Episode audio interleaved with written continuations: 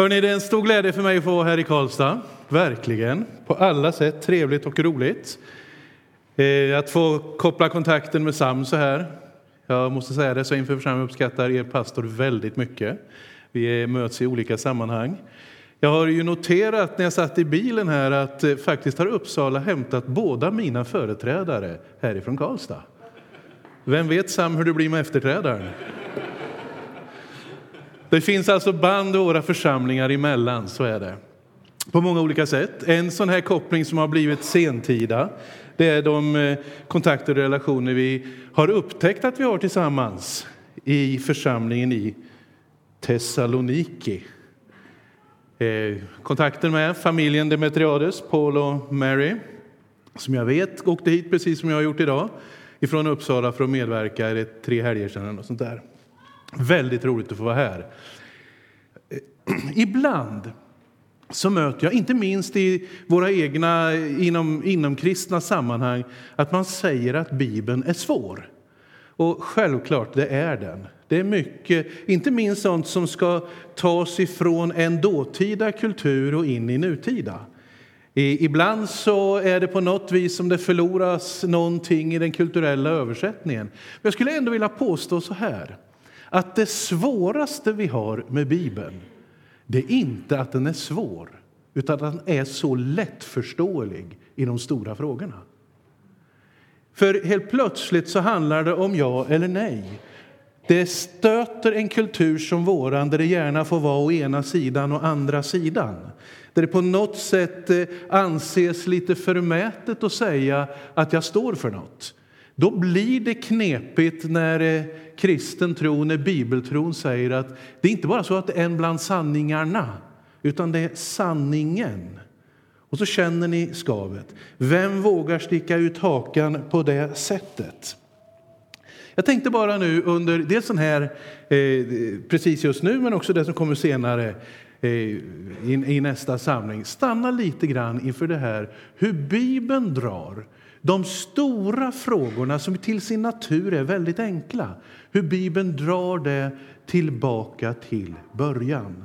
Det är ingen tillfällighet att hela bibelberättelsen startar med hur världen blev till och sen hur olika saker lades till rätta. Och så har vi den stora katastrofen, syndafallet. Och resten blir på något vis en konsekvens.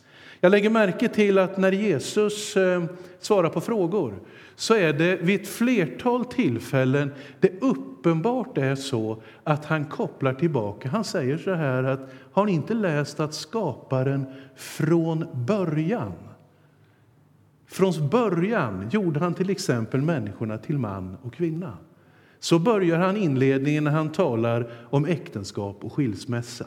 Men Jesus gör så gång på gång, hur han drar tillbaka frågorna till ursprunget, till skapelsen. Kanske att det är så att det är just därför som attacken under 1900-talet och in i vår tid så massivt riktas mot den, de troendes uppfattning om att vi blev aldrig till av en slump. Det finns en mening med det som lades ner hos människan. Du och jag, mänskligheten och skapelsen, är inte summan av tillfälligheter utan det finns en ursprungstanke som leder fram till också slutsatser. Det var inte så att Gud skapade och så var det ingenting mer. Nej, han håller hela skapelsen i sina händer. Och när vi ser det bibliska materialet som börjar i Edens trädgård, det slutar också i ett paradis. Det är som om hela Bibeln handlar om det här. Det tar spjärn. Kristen tro blir omöjlig att begripa om du inte har evigheten åt det hållet och evigheten åt det hållet som perspektiv. Bibeln börjar ju med i begynnelsen skapade Gud himmel och jord. Och jorden var öde och tom och Guds ande svävade över vattnet. Johannes, han som skriver evangeliet, en av Jesu lärjungar, han skriver precis på samma sätt. När han introducerar den stora berättelsen om Jesus så säger han, och lyssna på likheterna, i begynnelsen var ordet Ordet var hos Gud och ordet var Gud. Ingenting har blivit till av allting som finns till utan genom ordet. Lägger du märke till parallellerna? Går du sen till det stora historiska skeendet när eh, församlingen på något vis synliggörs, det vi ibland kallar för första pingstdagen. I Apostlagärningarnas andra kapitel där står det så här. När pingstdagen kom var de alla församlade. Då hördes plötsligt från himmelen ett dån som av en stormvind och det fyllde hela huset där de satt. och så vidare. Lägger du märke till vad stod i skapelseberättelsen? Jo, Guds ande svävade över vattnet. Det vill säga samma kraft, samma ande som griper tag och ger liv till allt och alla är den som blåser in bland de första kristna när församlingen synliggörs. Han som formade människan, dess kropp, då utan liv. Men det är när han blåser livsande, berättar Första Moseboken. Han blåser sin livsande och hon blir en levande varelse. På samma sätt så blåser Guds ande in i den första kristna tidens gemenskap. Och så går det från att vara den här instängda i det unkna rummets övre sal till att bli den rörelse som erövrar världen. Varför? Jo, det har med själva ursprunget att göra. Det är inte så när du och jag blev till, att vi blev till av en slump. När Bibeln säger faktiskt att han utvalde oss redan före tiden började. Det vill säga, du som har ett namn, du var nämnd redan då. Det var aldrig, vad dina föräldrar än har sagt, vad folk än har försökt att tuta i dig, så var det aldrig en slump att du blev till. Han tänkte en tanke redan från början. Redan innan jag blev till, säger profeten, så utvalde du mig. Du utkårade mig. Redan och ända ifrån skapelsen. Det är ur de trådarna, ur det, som vi faktiskt förstår frågor som rätt och fel. Där tänkte jag stanna lite grann under några minuter. För det är inte så att rätt och fel är produkten av en omröstning i en pingsförsamling. Det är inte så att rätt och fel är resultatet av vad media har lyckats få fram eller vad det aktuella forskningsläget på något universitet säger. Nej, ursprunget, sant eller falskt, rätt eller fel, det kommer ifrån honom som skapade. Vi lever i en tid som har det ganska märkligt. Allt eftersom det förändras så är det ju så att vi, vi har fått en ny bransch som kallas förtroendebranschen. Du har hört det uttrycket några gånger. Vi som är i förtroendebranschen, säger politikerna. Jag har hört några predikanter säga det, och egentligen är väl varje person med någon viss form av ansvar kopplad där. Och kopplingen till det personliga förtroendet, den är väldigt tydlig. Individens förtroende, eh, det, hur man förhåller sig sant eller falskt, det ger också återklang hur institutionen, företaget, regeringen eller det sammanhang vi står i, vilket förtroende det får. En kirurgs tveksamma operationer med konstgjorda luftstrupar det har bäring på hela Karolinska institutets förtroende. Det är ingenting som bara så där ligger lite flummigt. Nej, det finns någonting som heter rätt och fel. Utrikesministerns uttalanden om bosättningar i Mellanöstern de blir på något sätt lite knepiga när tidningarna börjar granska hennes egen bosättning i Stockholm. Det finns någonting i folkmedvetandet som handlar om rätt eller fel. En fyllekörande predikant som åker fast för rattfylla det påverkar faktiskt trovärdigheten. Varför? Jo, därför att det finns nedlagt hos varje människa oavsett religion, uppfattning eller tro så finns det en bestämd uppfattning att det finns rätt och fel. Vi bär med oss det, inte i DNA bara, utan i själva tanken från skapelsen. När det krisar, då har krishanterarna högkonjunktur. Det är, man säger ju att goda råd är dyra och man kan säga i ett läge när någon offentlig människa fallit igenom så är goda råd svindyra. När pikanta sanningar dyker upp så gäller det att rädda vad då? Jo, rädda förtroendet. För det var ju så att alla människor i botten har en uppfattning om vad som är rätt eller fel. Det gäller alltså att på något sätt göra en pudel. Det har ju blivit en konstart. Man gör en pudel, man försöker att rätta till, rädda vad som räddas kan. Men samtidigt då, som personliga tillkortakommanden trumpetas ut, inte så sällan i media, så har vi en märklig balans. Och det tror jag vi är barn av allihopa. Vi lever ju i en kultur och ett samhälle som säger så här att det som är rätt för mig behöver inte vara rätt för dig och omvänt. Det vill säga, sanningen skulle vara någonting relativt som egentligen bara är en jag tycker. Nej, det är väl ingen människa som säger det när det verkligen gäller. Då vet vi helt plötsligt vad som är rätt eller fel. Därför att det är nedlagt från början. Det är inte så att det går att säga att nu påverkar vi opinionen så vi vrider att eh, svart blir vitt. Nej, det ligger djupt där inne. Det finns en kompass. Alla gemensamma värderingar måste rimligen vara förankrade på ett djupare sätt. Det är inte så att det är en förhandlingsfråga i tidsandans domstol. För det finns nedlagt från början. Därför är det viktigt när Pingstkyrkan i Karlstad firar gudstjänst att det handlar inte om gemenskap. Ja, men det är ju gemenskap, ja visst är det det, men det är inte det som är huvudgrejen. Det handlar inte om att det tillfredsställer någon form av upplevelse. Det handlar om det också, men inte primärt. Nej, ytterst sett så handlar Guds församling om att vara sanningens pelare och fäste. Det vill säga, om inte Guds församling orkar stå någonstans klart och fast ja, men då kommer hela bygget i samhället faktiskt att komma i gungning. Då är det föga överraskande att predikanten i Pingstkyrkan säger att om vi nu skulle ha en källa för fasta värderingar i sådana fall måste vi vara noga med valet av källa. Den enda som har visat sig hålla över årtusenden är Bibeln. Där har generationer, olika kulturer, olika situationer funnit sitt svar. Bibelsanningen är inte kompromissbar eller förhandlingsbar.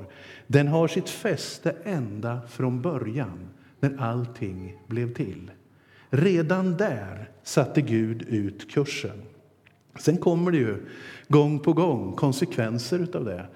Skulle jag säga vad säger Bibeln utav regler så skulle de allra flesta ropa tio Guds bud. Det är någon slags eh, minsta gemensamma nämnare vi ställer upp och ända tills man börjar citera dem då blir det lite mera så här. Lägg märke till hur det står som översättningarna fångar de tio Guds bud. Det står så här, du skall icke, eller du ska inte begå äktenskapsbrott. Du ska inte stjäla. Lägg märke till språkformen här. Det står inte du får inte, eller du ska aldrig ha stulit. Eller skam över dig som har misslyckats. Nej, det står inte så. Utan det står faktiskt i framtidsform. Du ska inte begå. Det vill säga, redan när Gud från början lägger ner först det profetiska om att Jesus skulle, eh, kvinnans säd skulle krossa ormens huvud. Det återupprepas. När Gud ger livsstilsreglerna för alla tider så är det du ska inte. Det vill säga, det står inte att du inte ska ha gjort, utan det står framåt. Du ska inte. Det vill säga, redan här så bakas förlåtelsens hemlighet in. Hur det än har sett ut bakåt, och nu kommer evangeliet för den här gudstjänsten, gott folk. Hur det än har sett ut bakåt så är det ändå så att du kan bestämma dig hur det ska se ut framåt. Det är inte så att din och min identitet är förankrad i hur det gick när vi var unga. Hur mamma och pappa behandlade mig det betyder enormt mycket. Nej, identiteten är att du faktiskt är satt här av Gud själv. Det var inte en slump att du blev till. Därför är det viktigt att vi kommer till punkten, kanske gång på gång, när vi helt plötsligt ser du ska inte. Det är fullt möjligt att ha varit med om att ha gjort någonting. Men evangeliet säger från nu och framåt. Det gamla, det glömmer jag. Den här skammen och skulden, skammen över att jag misslyckades i mitt äktenskap, skammen över att jag misslyckades Eh, med min ärlighet, eller vad det nu är. Egentligen så har det ingenting med evangeliet att göra. För evangeliet säger att det var fel. Men därför erbjuds förlåtelsen och så börjar man att göra det som är rätt. I alla människors inre så finns den här förmågan att känna skillnaden mellan rätt och fel. Det är inte så att mitt samvete är förankrat i några tillfälliga regler. Nej, det är förankrat i själva skapelsen. När eh, Bibeln berättar om syndafallet så står det så här att genom detta så skulle människan få kunskapen om gott och ont. Har du tänkt på att det står så? Då tänker man, ja men var det så att människan var avtrubbad på något sätt innan? Nej, men det var ju självklart så före syndafallet fanns ingen ondska. Det var ett kunskapsområde som ingen hade användning för. Men i det fasansfulla upproret mot Gud så tvingades människan att utforska ett kunskapsområde som dittills var helt okänt. Innan hade det ju räckt att kunna om det goda.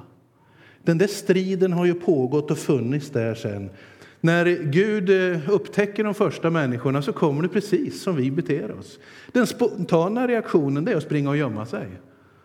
Så har ju politiker och andra gjort när man blir upptäckt med fingrarna i syltburken. Då springer man och gömmer sig. Det är det första. Så gör vi alla. Det gör vi från det att vi är små. Den andra reaktionen den är också ganska typisk. Vad gör de? Jo, mannen skyller på kvinnan och kvinnan skyller på ormen.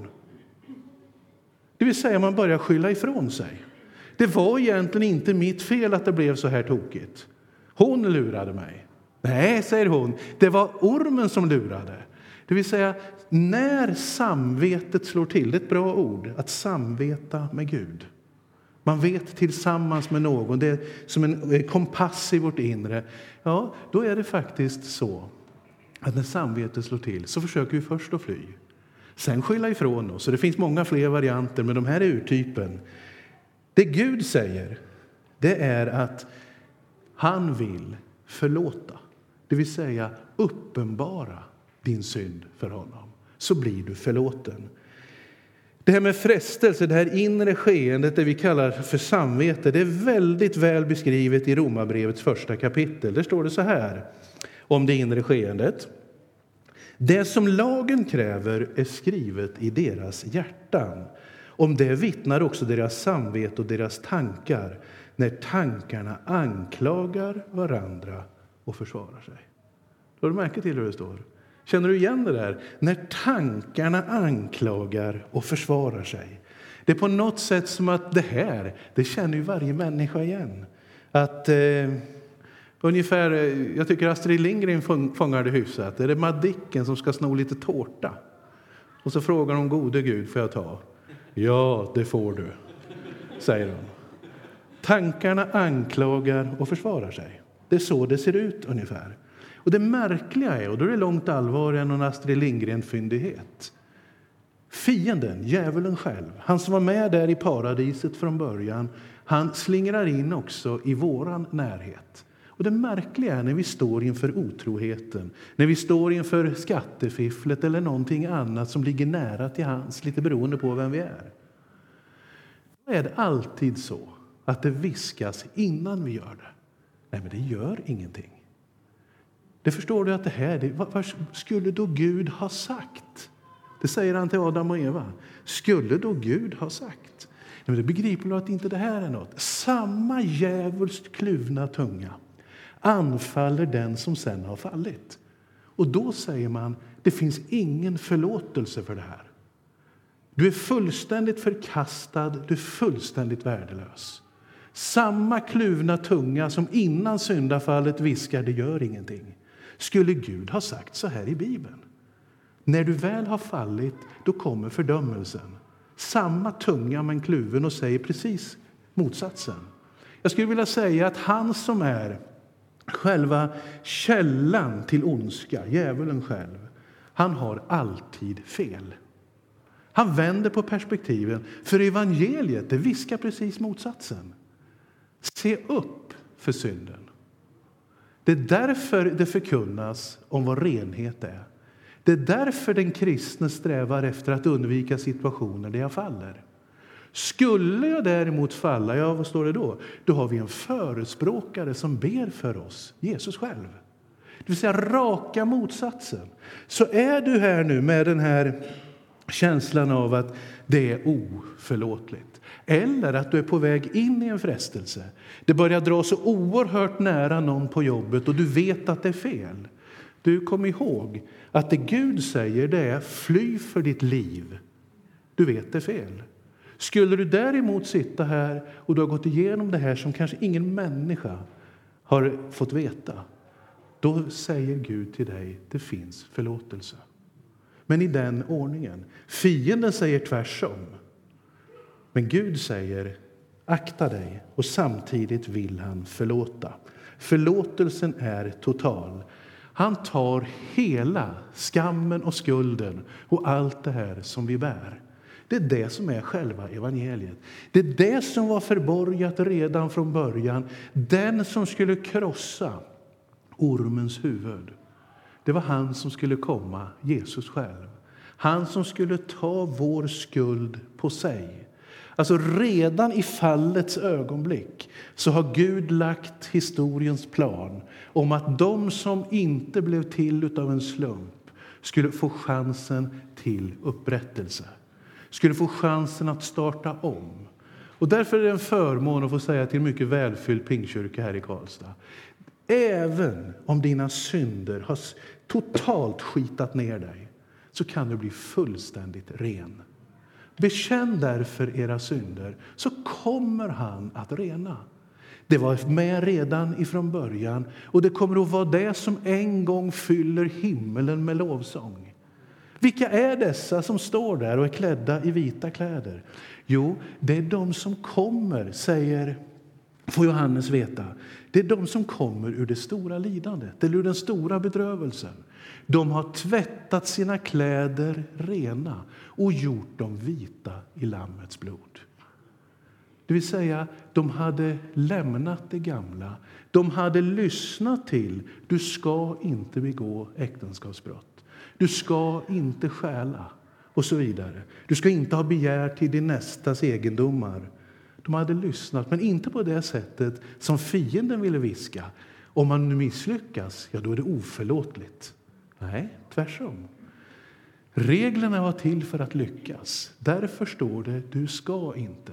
Från punkten när du bestämmer dig att följa så kan du bygga ditt liv. Och Hela samhällsbygget bygger ju på det här. Jag tror att det egentligen skulle behövas lite journalistik in i våra liv. Eller om du så vill, Andens ljus, som faktiskt pekar på det här. För längtan efter renhet, den finns där.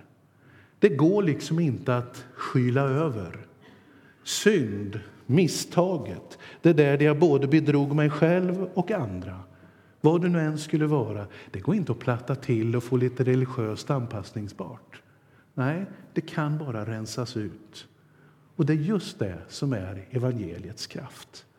En av de första tidens kristna förkunnargiganter. Han hade själv varit med och faktiskt begått anstiftan till mord. Saulus av Tarsus. Han beskriver sig själv som detta ofullgångna foster. Han känner sig oerhört eh, mjuk och ödmjuk inför sitt stora uppdrag. Men samtidigt träder han fram med en enorm auktoritet. Hur kunde han göra det? Jo, därför han hade lärt sig att skilja på fiendens och Guds röst. Fienden talade om fördömelse för den som har misslyckats. Men det kristen tro förkunnar, det Jesus kom med, det var erbjudandet om du kan bli fullständigt fri ifrån ditt nederlag. Det är inte så att det är oåterkalleligt. Det är inte så att du kom för att det skulle bli så eländigt i ditt liv. Nej, evangeliet är till för från nu och framåt. Från nu och framåt så är det någonting. Låt mig också citera Saltarens 65 vers. En sång, melodin är sedan länge borta, men orden de eh, vibrerar utav just detta. Det står så här. Till dig kommer alla människor för att bekänna sina synder. När vår skuld blir oss för tung förlåter du oss. Lycklig den utvalde som får komma dig nära. Alla, hur du än läser alla, från vilket håll det än är, så är det alla. Du säger det gäller dig. Det finns ju en benägenhet att det viskas in, ja men det här var bra. Men inte när det gäller min grej. Och ju mer du har försökt att linda in det här i religiös fernissa eller lite kulturell belevenhet, ju svårare är ju själva bekännelsen. Men det jag säger är, det finns bara en väg. Bekänn därför dina synder. Bekänn, och så kommer han att rena dig. Han kommer att totalt utradera, för ormens huvud skulle krossas. Jag är inte läkare, men jag kan säga att den som har ett krossat huvud är diagnosen ganska dyster för. Eller hur? Precis så är det. Nog kan ondskan komma åt dig, men den kan aldrig segra. För vi segrar tillsammans med honom. Så var det från början och så blir det till slut. Dessa nu som stod där i vita kläder, vad var det de hade gjort? Jo, de hade sagt Herre, rena mig. Jag vill återvända till det som var tänkt ifrån början. Jag vill vara med bland dem som har tagit paradiset som sin hemvist. För när Bibeln talar om det här så är inte synd och skuldfrågan, syndens konsekvenser och det som vi, eh, det vi har gjort, det är faktiskt inte endast en fråga för nuet. När mediadrevet går, då eh, går det att säga vad skönt, de upptäckte inte det där. Men du, det kommer en dag när han som är domarnas domare, när han som är den som ska faktiskt, tala Bibeln om, skilja mellan ont och gott. Han vet, han känner. Och jag kan säga så till sist. Egentligen är det så och att det aldrig är så att Kristus framträder som domaren hos dem som har tagit emot honom. Då är han vår personlige vän. Han kommer att döma synden, för det är ju det som hela skapelsen suckar och våndas och längtar efter. Att barnen ska befrias. Befrias ifrån detta ursprungliga nederlag. Och den dagen kommer. Se då till att du har tvättat dig själv ren. Att de där grejerna som hörde till det djävulska inte finns med. Ge dig inte in i den här märkliga inre förhandlingen där du säger men inte, inte har väl Gud sagt? Inte skulle väl Gud kunna vara så hård? Inte skulle väl det som jag Tänk, men han då? Och hon, vad de har gjort? Nej, men eh, om jag tittar i kristenheten, jag är ju inte den sämste. Du aktar dig för den typen av förhandling. Utan gå istället det som var tänkt ifrån början. För vad är det Gud själv gör? Låt mig avsluta. Jo, så fort misstaget hade skett så hör de Herren Gud komma i trädgården, står det. När det börjar svalkas. De försvinner och försöker gömma sig, men Gud ropar Var är du, människa? Var är du någonstans? Så redan ifrån skapelsens första skälvande period så började Gud att gå med frågan Var är du någonstans? Kanske är det så att jag åkte från Uppsala idag på eftermiddagen bara för att säga till någon av, dig, av er Var är du någonstans? Gud söker dig. Du som har försökt att gömma dig, du som har försökt att skylla på andra, du som ständigt har det där brottningskampen. Du, Gud säger, var är du någonstans? Det är inte en hård röst, det är inte en dömande röst. Det är den som vill hjälpa dig att resa dig till det du en gång för alla var tänkt att vara. Gud själv kommer inte för att döma, utan han kommer för att segra tillsammans med dig. Gud själv, han har gett sig för dig. Ja, säger någon, det där går ju att säga, men det är förfärligt pinsamt det jag har gjort. Du, vad du än säger, så kan Gud förlåta allt. Lägg märke till ibland har vi fått någon slags syndaskala där vissa saker nästan eh, är en merit att få förlåtet. Och andra saker, nej, det tiger vi helst med. Du, var noggrann med att när han kommer och går i ditt hjärtas trädgård och ställer frågan var är du? Fly inte då. Skyll inte på andra. Börja inte förhandla om att det var så många andra som gjorde samma sak. Utan kliv ur det där och så tar du emot förlåtelsen. Förlåtelsen som tvättar dig fullständigt ren. Det här är någonting som blir väldigt konkret. Jag stod tillsammans med brudparet, det här är några år sedan. Hon hade haft sitt liv på Malmskillnadsgatan i Stockholm och den businessen den vill vi inte ens se in i, prostitutionen.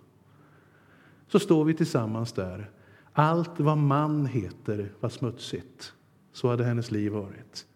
Men så får hon möta Jesus, totalt förvandlad.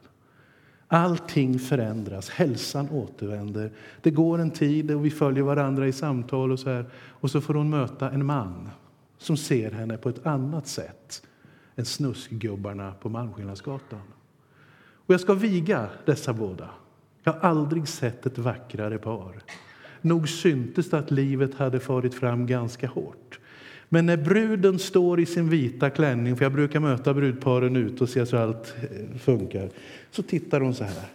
Och så säger hon, gråtande, jag kunde aldrig tro att jag skulle stå i vita kläder. Och så tackade hon Jesus. Jag kunde aldrig tro. Du, det kanske är så. Du kunde aldrig tro. Men det finns en som tror för dig, och det är Jesus. Varje gång det här påminns om, ja, då är han där och vill förlåta. För om vi syndar så har vi en förespråkare. En som talar för oss, en försvarsadvokat i Jesus. Visst var det fel, men det är aldrig oförlåtligt. Lyssna inte på fiendens röst som vänder det där. Du kan bli förlåten och ren. Och Det handlar om att öppna ditt hjärta för Jesus främst. Kanske också, likt vissa bibelgestalter, reda ut något du har gjort. Men låt mig säga till sist, förlåtelse handlar aldrig om att reda ut. Förlåtelse handlar om att glömma. Det vet vi i, ett vanligt, i en vanlig konflikt. Så fort vi börjar rota i det, och då sa du och då sa jag, och då, nej det går inte. Förlåtelsen, det är alltid att lämna bakom sig. Förlåtelsen är att låta udda vara jämnt. Förlåtelse är just att inte reda ut, utan att lämna. Och det Gud säger det är, om det än är totalt smutsigt hela ditt liv, så kommer inte han för att reda ut, utan han kommer för att förlåta. När han går genom ditt hjärtas trädgård, då talar han om förlåtelse. Och det är det som en gång kommer att vara det enda som bär. Det enda som betyder något, det kommer att vara att jag har mina synder förlåtna. Att jag har tagit emot det här erbjudandet, för det var så det var tänkt från början. Att synda, det är att missa målet. Att inte komma till det sammanhang där det är återupprättat det paradis som Gud själv hade tänkt oss att finnas i. Tyvärr fick vi ett kunskapsområde som heter ondska. Men en dag, säger skriften, så kommer Gud att återupprätta. För som det var från början så ska det bli till slut. Då kommer lovsången att bryta ut. Och frågan en sån här dag är egentligen bara, är du med då? Är du med bland dem som förvånade kommer att säga, inte trodde jag att jag skulle stå här i vita kläder. Vilka är dessa och varifrån kommer de? Jo, de kommer från den stora bedrövelsen, men de har tvättat sina kläder rena och gjort dem vita i Lammets blod. Nu ska vi be tillsammans. Tänk då hur du har det. Och skulle det nu vara så att du tidigare bett om förlåt, låt ingen fiska i det där, för det är borta. Men är det så att det är någonting, ja då är Herren här och vill förlåta dig. Nu ska vi bedja tillsammans. Tack Jesus för att du som var med från början du är med oss i alla tider och du som en gång gick genom Edens trädgård, tack för att du också går igenom vårt hjärtas tanke och trädgård. Herre, tack för den som just den här eftermiddagen i Karlstad har fått höra ditt ord där du ropar oss vid namn. Herre, nu ber jag dig att den som behöver rening orkar öppna upp och säga förlåt. Tack Jesus för att då är du trofast och rättfärdig. Du förlåter oss alla våra synder.